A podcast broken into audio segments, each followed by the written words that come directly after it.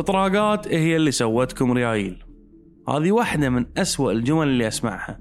لما الأهل يبون يفتخرون بتربية عيالهم اللي اليوم صار عندهم عوائل. باعتقادي ما في أب ولا أم يتسلون بضرب وتعنيف أطفالهم. بس شوية شطانة من الطفل على شوية ردات فعل سريعة لتأديبه تولد شوية إطراقات وفناقر. ممكن إنها تدفع الطفل لهاوية السقوط بأمراض نفسية. تأثر على شخصيته بالمستقبل. وهالشيء وايد كنا نشوفه للأسف محيطنا. وللأسف أكثر في أوقات كنا نشوفه في أماكن عامة. طفل يصارخ يتسدح عشان لعبة أو حلاوة وأب وأم خايفين من الإحراج فيسطرون ولدهم ويحرجونه ويخلونه عرضة للسخرية.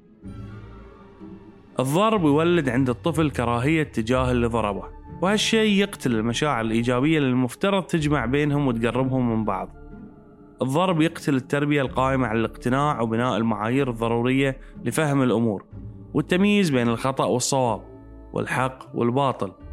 الضرب يلغي الحوار والأخذ والعطاء في النقاش بين الكبار والصغار وممكن يضيع فرصهم للتفاهم وفهم الطفل لدوافعه وسلوكه ونفسيته وحاجاته. الضرب يخلي العلاقة بين الطفل وضاربه علاقة خوف مو علاقة احترام وتقدير. وهذا اللي يبني جيل انقيادي حق كل اللي يملك سلطة وصلاحيات أو بس مجرد أنه أكبر منه أو أقوى منه. هالانقياد يضعف شخصية الأبناء ويخليهم شخصية سهلة للطاعة العمياء. فلا تستغرب لما تشوف جيل أغلبيته مسكر إذنه ومغمض عينه ويمشي ورا كلام السيد ولا الشيخ ولا طويل العمر أو أي شخص ثاني يملك سلطة أكثر منه. لأن للأسف طراقات الأمس وقود لقطيع اليوم.